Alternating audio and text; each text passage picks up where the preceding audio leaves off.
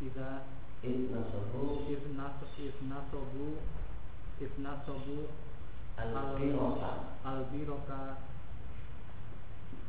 Wal wal habaila. wal habaila lil lil hitani. Lil hitani. Qabla. Kepada qabla yaum sabt yaum sabat yaum sabti. Apa falamma ja'at yauma yaum falamma ja'at yaum sabti ala ala adatiha fi fil kathirati fil kasrati fil kasrati musibat eh, bitilka al habaili falamma yang kodo al yang kodo sabti. Sabtu. Falamma yang kodo sabtu ahdu akhuduha sohu sama sohu ila suratil suratil ila suratil kudrati nakil jadi so ila suratil firdati nah. Kalau ma'alif Allah Ta'ala. Dan di antara contoh tipu daya yang haram yang ditawassul biha yang dimanfaatkan atau digunakan untuk melakukan yang haram adalah perbuatan atau ulah Bani Israel. Tatkala diharamkan bagi mereka Sayyidul Hitan untuk berburu ikan pada hari Sabtu, Itnasabu mereka memasang al-biroka wal habaila lil hitan memasang ya, kolam dan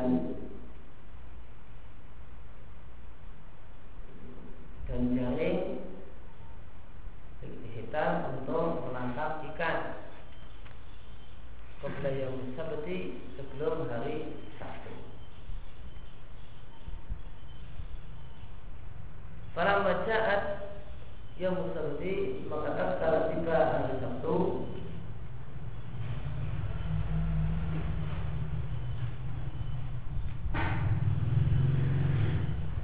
para majaat maka tatkala datang ikan yang musabdi pada hari Sabtu. Ala adatiha sebagaimana biasanya? Bagaimana kebiasaan ikan? Yaitu fil kasrah dalam jumlah yang banyak.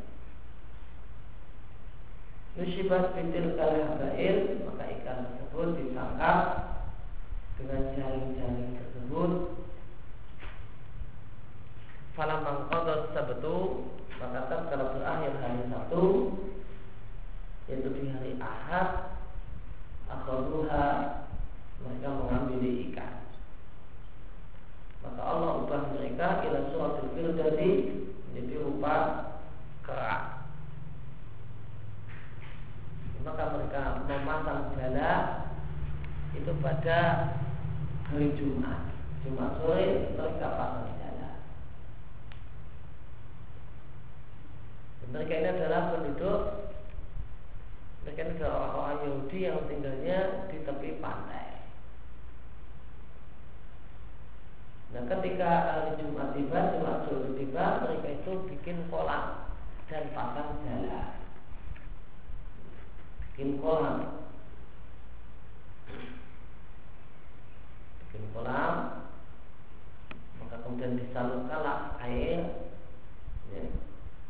di arah dari arah pantai menuju kolam di pantai bikin saluran kemudian dibuat kolam di daratan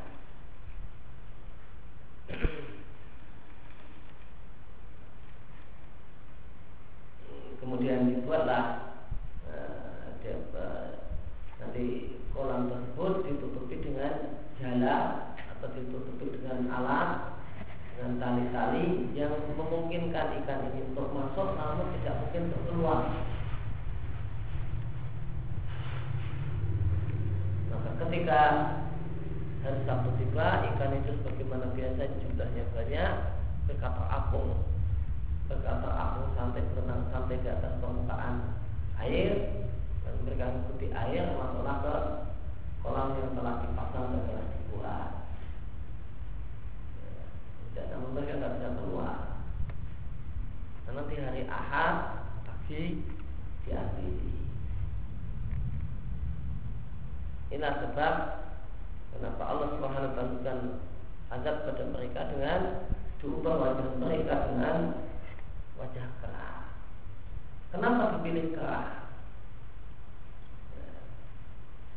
Sebelum di uh, tafsir surat Al-Baqarah menjelaskan pemilihan kerah di sini adalah hikmahnya karena kera itu mirip manusia.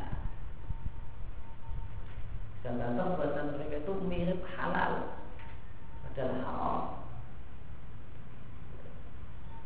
Dan kera itu mirip manusia, tapi bukan manusia. Itu penjelasan ini tentang kenapa dipilih kera, hewan kera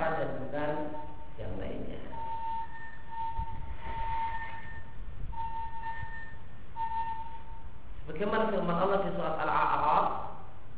Was'alahum dan tanyakanlah kepada mereka orang-orang Yahudi Anil qaryati Tentang penduduk kampung Alatikana terhadirat al-bahri Yang penduduk kampung tersebut Berada di dekat lautan. Itya'duna bisabdi ketika mereka melanggar kewajiban hari Sabtu. Hari Sabtu tidak boleh uh, bekerja dan cari dunia. Itatihim hitanuhum ketika uh, datang ikan-ikan yang seperti pada hari Sabtu. Pada hari Sabtu ikan-ikan itu datang suruhan atau suruhan dalam jumlah yang banyak Wa yawma la yasbituna la ta'tihim dan pada hari la yasbitun tidak bukan uh, tidak satu la ta'tihim ikan tidak datang pada mereka. Dari karena belum demikian kami uji mereka bimaka lo yang sukun disebabkan kefasikan yang mereka lakukan, disebabkan maksiat yang mereka kerjakan. Kalau Sabtu itu ikan-ikan eh, seakan-akan sudah tahu Biasanya hari Sabtu orang Yahudi nggak boleh nggak kerja, nggak boleh kerja untuk dunia. Kan hari Sabtu ikan itu jumlahnya banyak dari permukaan air yang kemampul kata orang Jawa. Ya. Kemampul, itu ya terapung-apung, ya. terapung di atas permukaan air, ya mungkin sambil kita ya uh, mungkin didi dari sinar matahari ya, sambil uh, tiduran santai di atas permukaan air. Karena mereka ya, seakan-akan mereka tahu atau mereka bebas dan tidak bakalan diganggu. Ketika dilihat orang pun mereka santai karena mereka ya, tahu kalau nggak mungkin manusia berani untuk menangkap mereka karena dilarang oleh agama Begitu hari Sabtu berlalu, tidak ada satu ikan di permukaan air. Tidak ada satu ikan di permukaan air. Dan ternyata orang-orang Yahudi itu gagal menjalani ujian ujian Allah Subhanahu Wa Taala yang ujian semacam ini.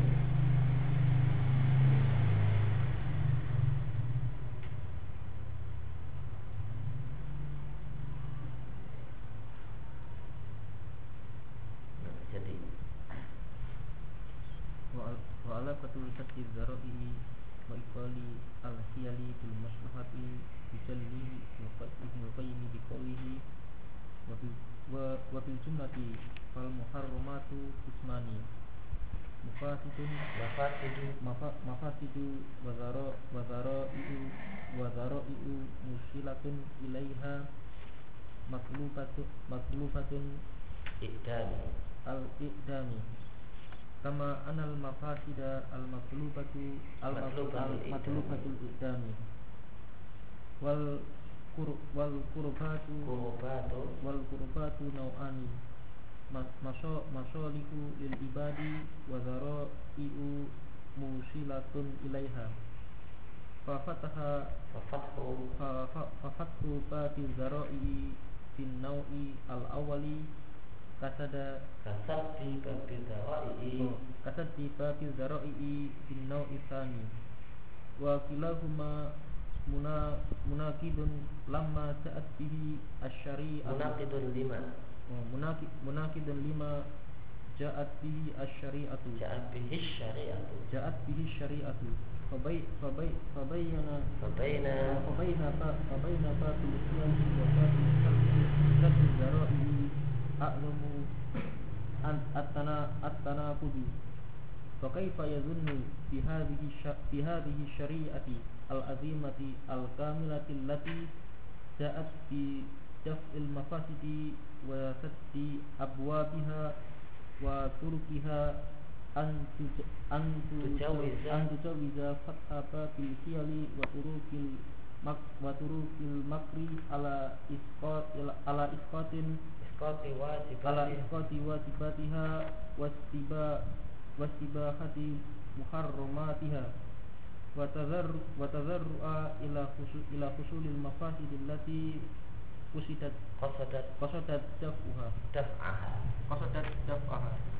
Dan kaitan satu dara'i dengan e, membatalkan hilah dan membatal dan pembatalan hilah dengan manfaat dijelaskan oleh Ibnu Qayyim dengan perkataan beliau bahwa berjumlah ringkasnya perkara yang haram ada dua macam ya, pertama adalah mafasid bahaya yang merupakan maksud pokok yang jadi maksud pokok untuk dihilangkan. Kemudian yang kedua adalah bahaya yang jadi sarana. Ya, mafasid ini bahaya yang jadi pokok yang dimaksudkan untuk dihilangkan dan tawaib sebagai sarana yang mengantarkan kepada bahaya tersebut. Nah sarana-sarana ini matlub batul idam dituntut untuk dihilangkan. sebagaimana mafasid itu juga matlub betul idam dituntut untuk dihilangkan. Demikian juga amal yang mendekatkan diri kepada Allah itu ada dua macam, ada masalihu lillah Ada kemaslahatan hamba. Yang kemaslahatan ini jadi pokok. Itu yang jadi maksud pokok. Kemudian ada kemaslahatan yang statusnya adalah sarana yang mengantarkan kepada maslahat pokok. Maka membuka pintu dara'i Fina el awal dalam jenis yang pertama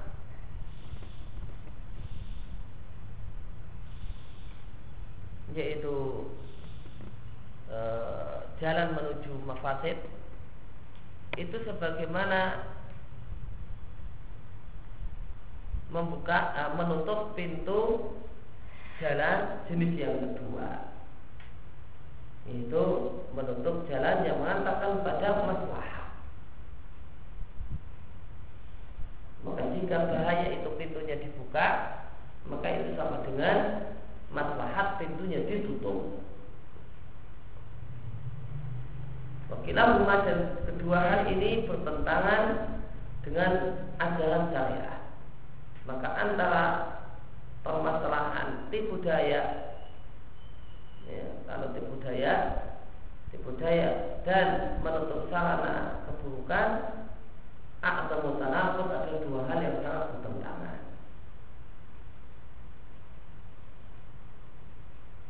Maka hilah trik yang dilakukan oleh manusia itu kebalikan dari satu dariah yang diajarkan oleh syariat. Maka bagaimanakah ada orang yang berpaduka dengan syariat yang agung dan sempurna ini yang mengajarkan yang jahat bi yang mengajarkan untuk mencegah keburukan dan menutup pintu-pintunya dan jalan-jalannya membolehkan untuk membuka pintu tipu daya dan jalan-jalan maka untuk membuka kewajiban dan untuk mengubahkan perkara yang haram. Inilah motif orang melakukan hilah. Ingin menggugurkan kewajiban, nggak ingin bayar zakat. Akhirnya ketika mau genap satu tahun kambingnya dijual satu. Nah, saya nggak kena zakat. Ini.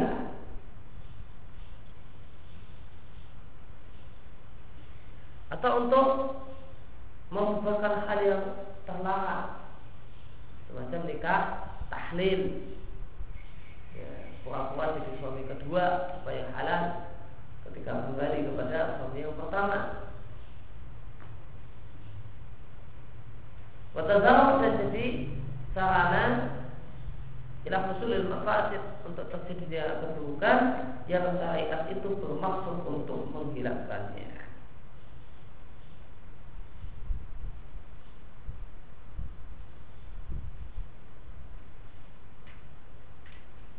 Namun tidak semua hilah itu haram.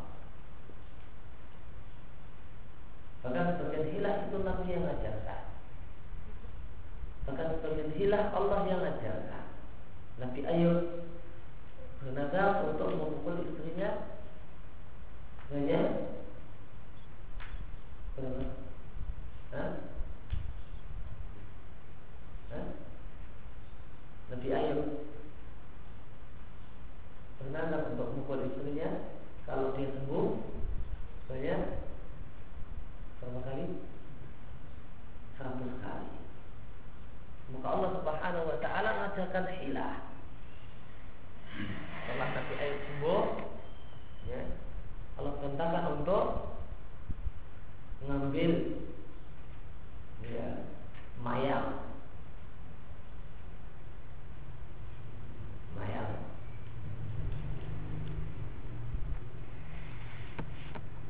mengambil mayang otak, eh mayang koma yang jumlah mayangnya itu 100 cabang dan dipukulkan sekali. Jadilah pukul 100 kali. Ya atau dengan bahasa lain, suruh mengambil sapu 100 lidi. Bukan sekali, ya, sudah pukul 100 kali dalam rangka supaya uh, Nabi itu tetap melaksanakan penadaannya ini hilah dan sebagian hilah itu di uh, diajarkan oleh Nabi Shallallahu Alaihi Wasallam Nabi melarang kurma ditukar dengan kurma kecuali kurma yang kecuali dengan takaran yang Nabi katakan kepada Bilal yang membaca bohong jelek dengan bohong baik maka Nabi katakan kepada Bilal jualah kormamu nah, jualah kormamu kamu nanti dapat duit. Kormamu yang jelek jual dulu. Nanti kamu dapat duit setelah itu bisa kamu gunakan untuk beli korma yang baik yang kamu inginkan. Maka Nabi ngajari hilah Ngajari hilah Supaya kamu tidak terjun dalam hal yang haram Maka caranya ya, Kamu jual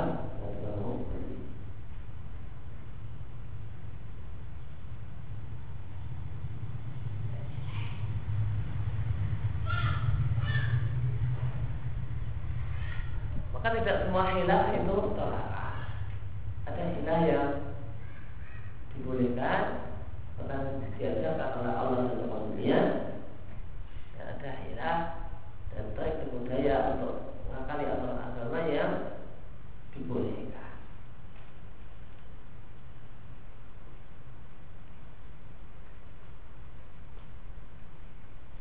Nah, apa profit untuk hilah yang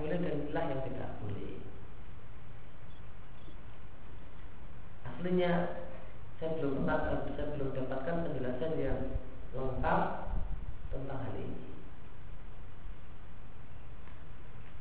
Apa tolak ukur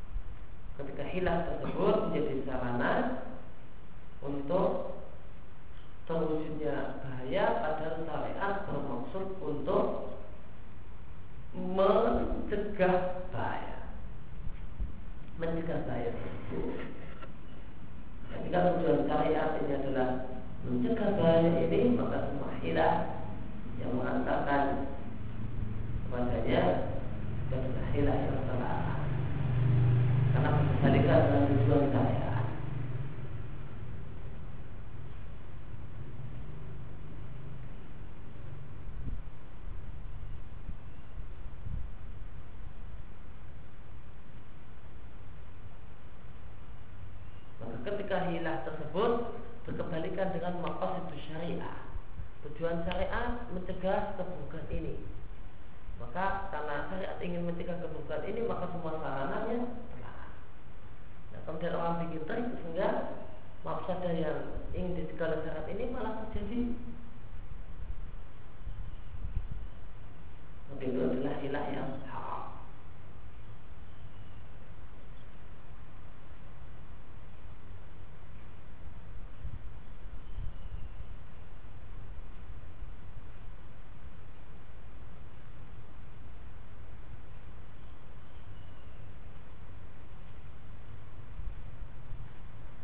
Kemudian berkaitan dengan pembahasan masalah musalah dan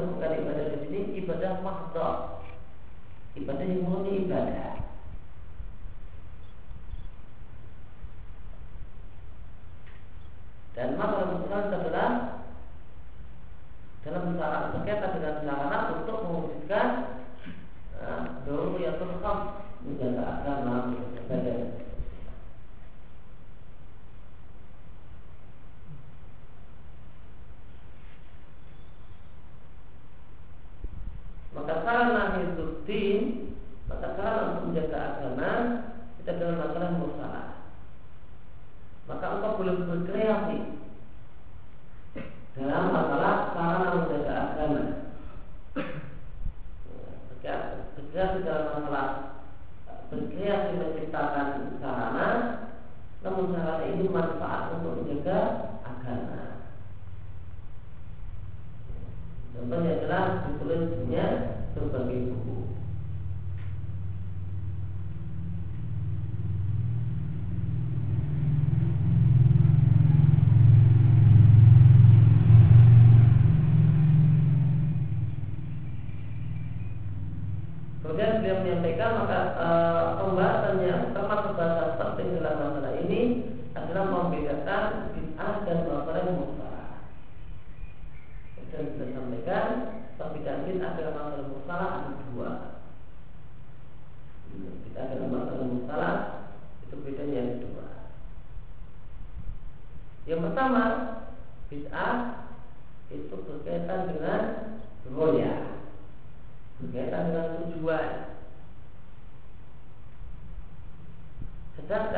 makanan mukalaf itu berkaitan dengan sarana untuk mewujudkan tujuan.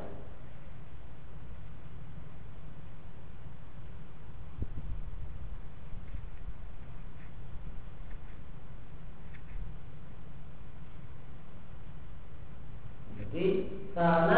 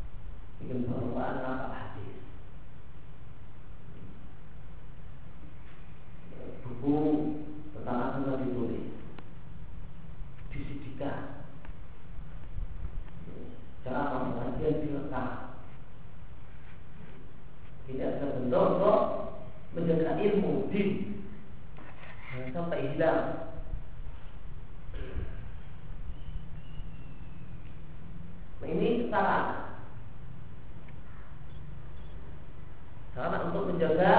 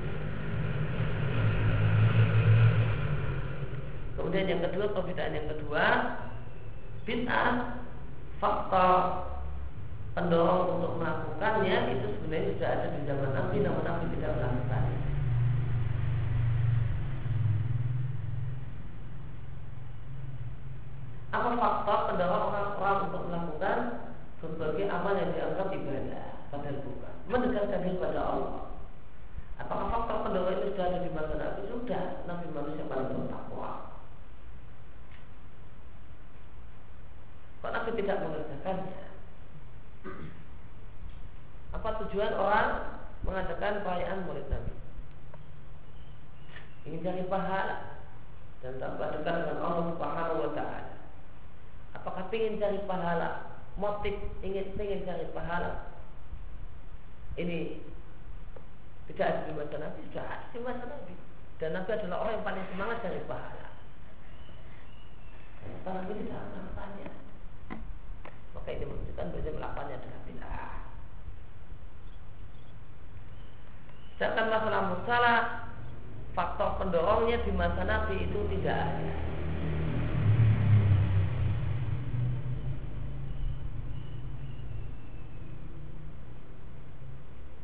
Kenapa belum dicatat ilmu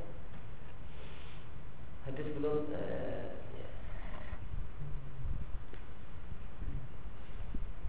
Karena sumber ilmu ada sunnah dan saat adalah orang-orang yang tingkatan kepalanya tinggi dan beberapa alasan yang lain.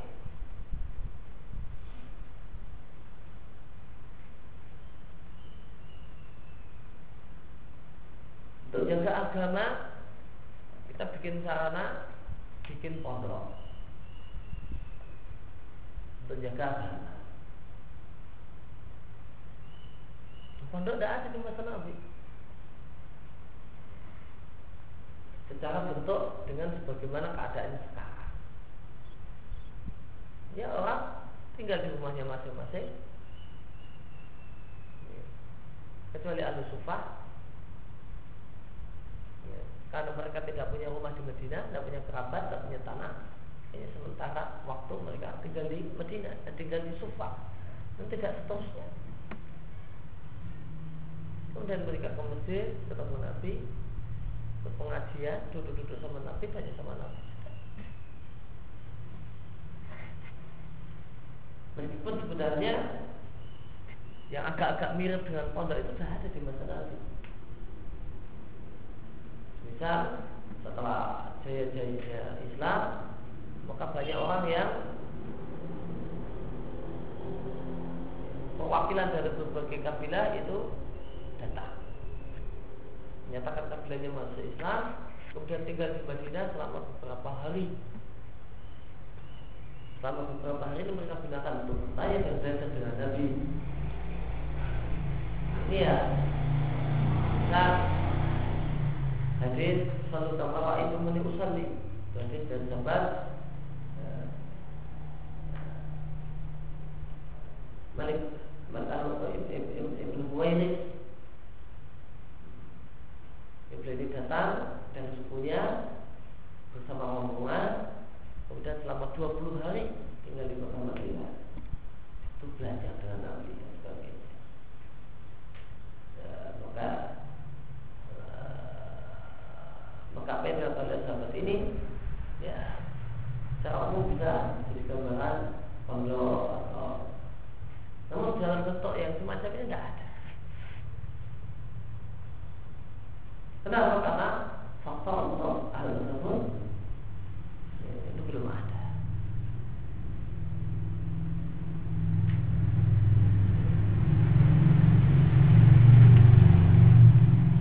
Kemudian kita akan baca sedikit tentang pasal yang keempat, nasah, ta'aruf, tafsir dan urutan dalil. Dalam pasal ini ada empat bahasan. Pertama nasah dan ta'aruf, tafsir, kemudian tafsirul adillah. Dan topik bahasan pertama nasah Dalam topik bahasan ini terdapat lima masalah Lima poin. Pengertian nasah, syarat nasah, hukum nasah dan hikmah nasah Macam-macam nasah Dan hukum ziyada al nas Tambahan nas Tambahan nas Ya. nasakh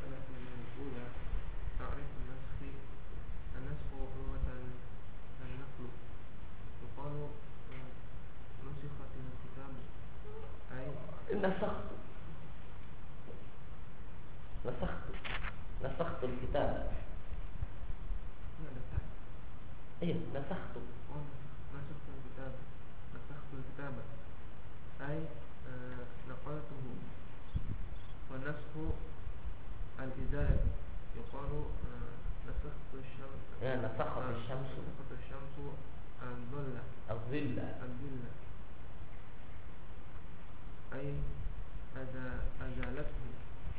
وفي اصطلاح المتقدمين إن السلف معناه الميان فيشمل تخصيص العام وتفعيل المطلق وتبيين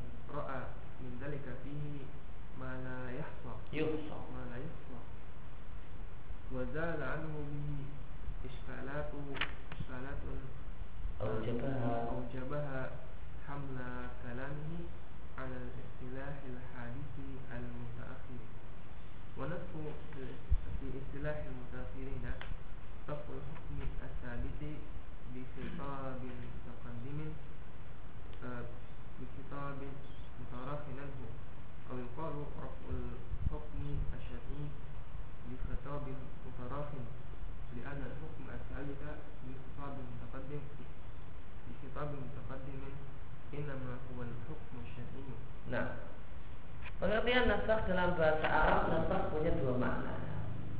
Pertama maknanya adalah memindah. Contohnya nasakh kita artinya aku menyalin buku. Makna yang kedua adalah menghilangkan. Contohnya nasakh syamsu azillah. Matahari menghilangkan bayang-bayang. Sedangkan secara istilah maka ada dua macam istilah mutakadimin, istilah ulama terdahulu dan ulama belakangan. Kalau menurut ulama salah mereka menggunakan kata-kata istinasah namun maknanya adalah al-bayan. Ayat ini dinasah oleh ayat itu. Itu bukan maknanya kalau ini kita baca perkataan tabi'in Ibnu Abbas ayat ini dinasah oleh ayat itu. Itu bukan artinya dihapus. Ayat ini maknanya dijelaskan oleh ayat itu.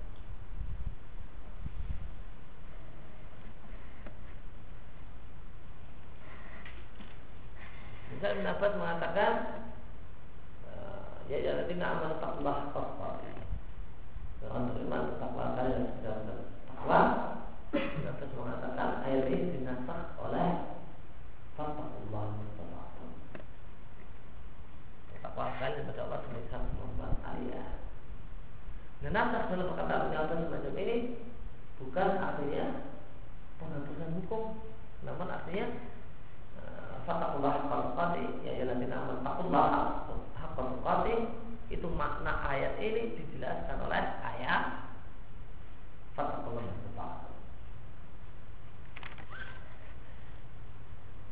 Maka mencakup Maka berdasarkan hal tersebut Maka nasab itu termasuk Mengkhususkan lafaz am Membatasi mata supaya uh, Mutlak Menjelaskan mujmal dan menghilangkan hukum ya. dijumlahi secara total yang kena ulama belakangan dengan nasah. Mungkin mengatakan maksud beliau dan maksud para ulama salaf dengan istilah nasakh dan mansuh itu adalah menghilangkan hukum secara total demikian maknanya tarotan terkadang dan maknanya adalah yang dipilih oleh dan menjadi istilah mutakhirin. Demikian juga terkadang maknanya adalah menghilangkan kandungan dalil yang masih terlalu umum mutlak boleh dan yang lainnya. Demikian tarotan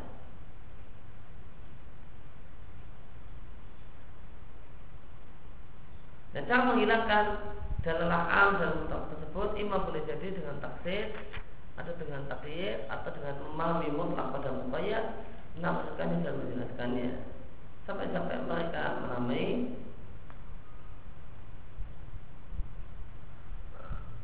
istisna pengecualian syarat ya jika ada insatiyah dan sifat itu para ulama salaf menyebutnya sebagai nasakh karena hal-hal ini litadamun mengandung Oh adalah zahir menghilangkan kandungan makna yang zahir dan menjelaskan maksudnya. Ringkasnya, nafsu menurut ulama salaf dan filisan yang dalam bahasa ulama salaf maknanya adalah menjelaskan maksud ayat atau hadis namun tidak dengan teks ayat dan hadis tersebut bal bi amrin kharijin dengan bahasa yang lain Kerinjinan dengan bahasa yang lain daripada ya, bahasa yang pertama. Dan siapa yang menemukan perkataan orang-orang Arab, maka dia akan melihat dalam masalah ini satu hal yang tak banyak dihitung. Banyak sekali buktinya kalau nasab maknanya adalah bayanul murad. Dan dengan orang paham dengan hal ini dua jenis nasab ini, maka akan hilang bahasanya berbagai masalah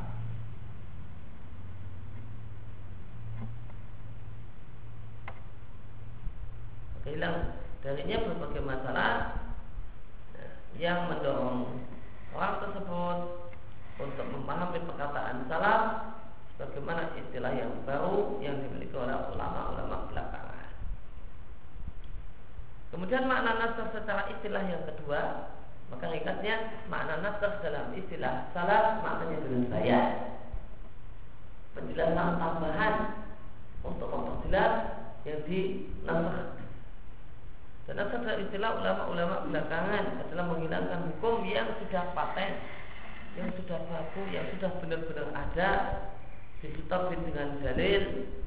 Dalil tersebut duluan maka diralat dilakukan dengan dalil yang mutarohin anu belakangan.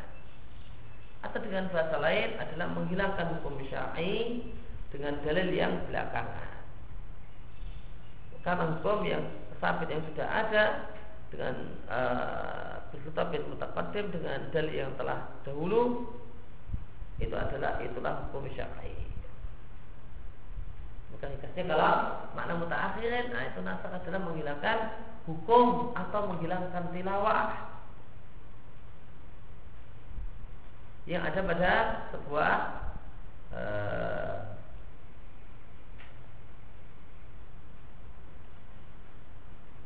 yang ada pada sebuah dalil menghilangkan karuan hukum atau bacaan yang ada pada sebuah dalil.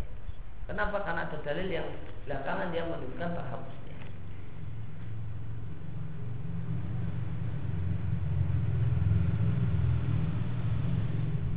Demikian kita baca kesempatan hari ini. Selamat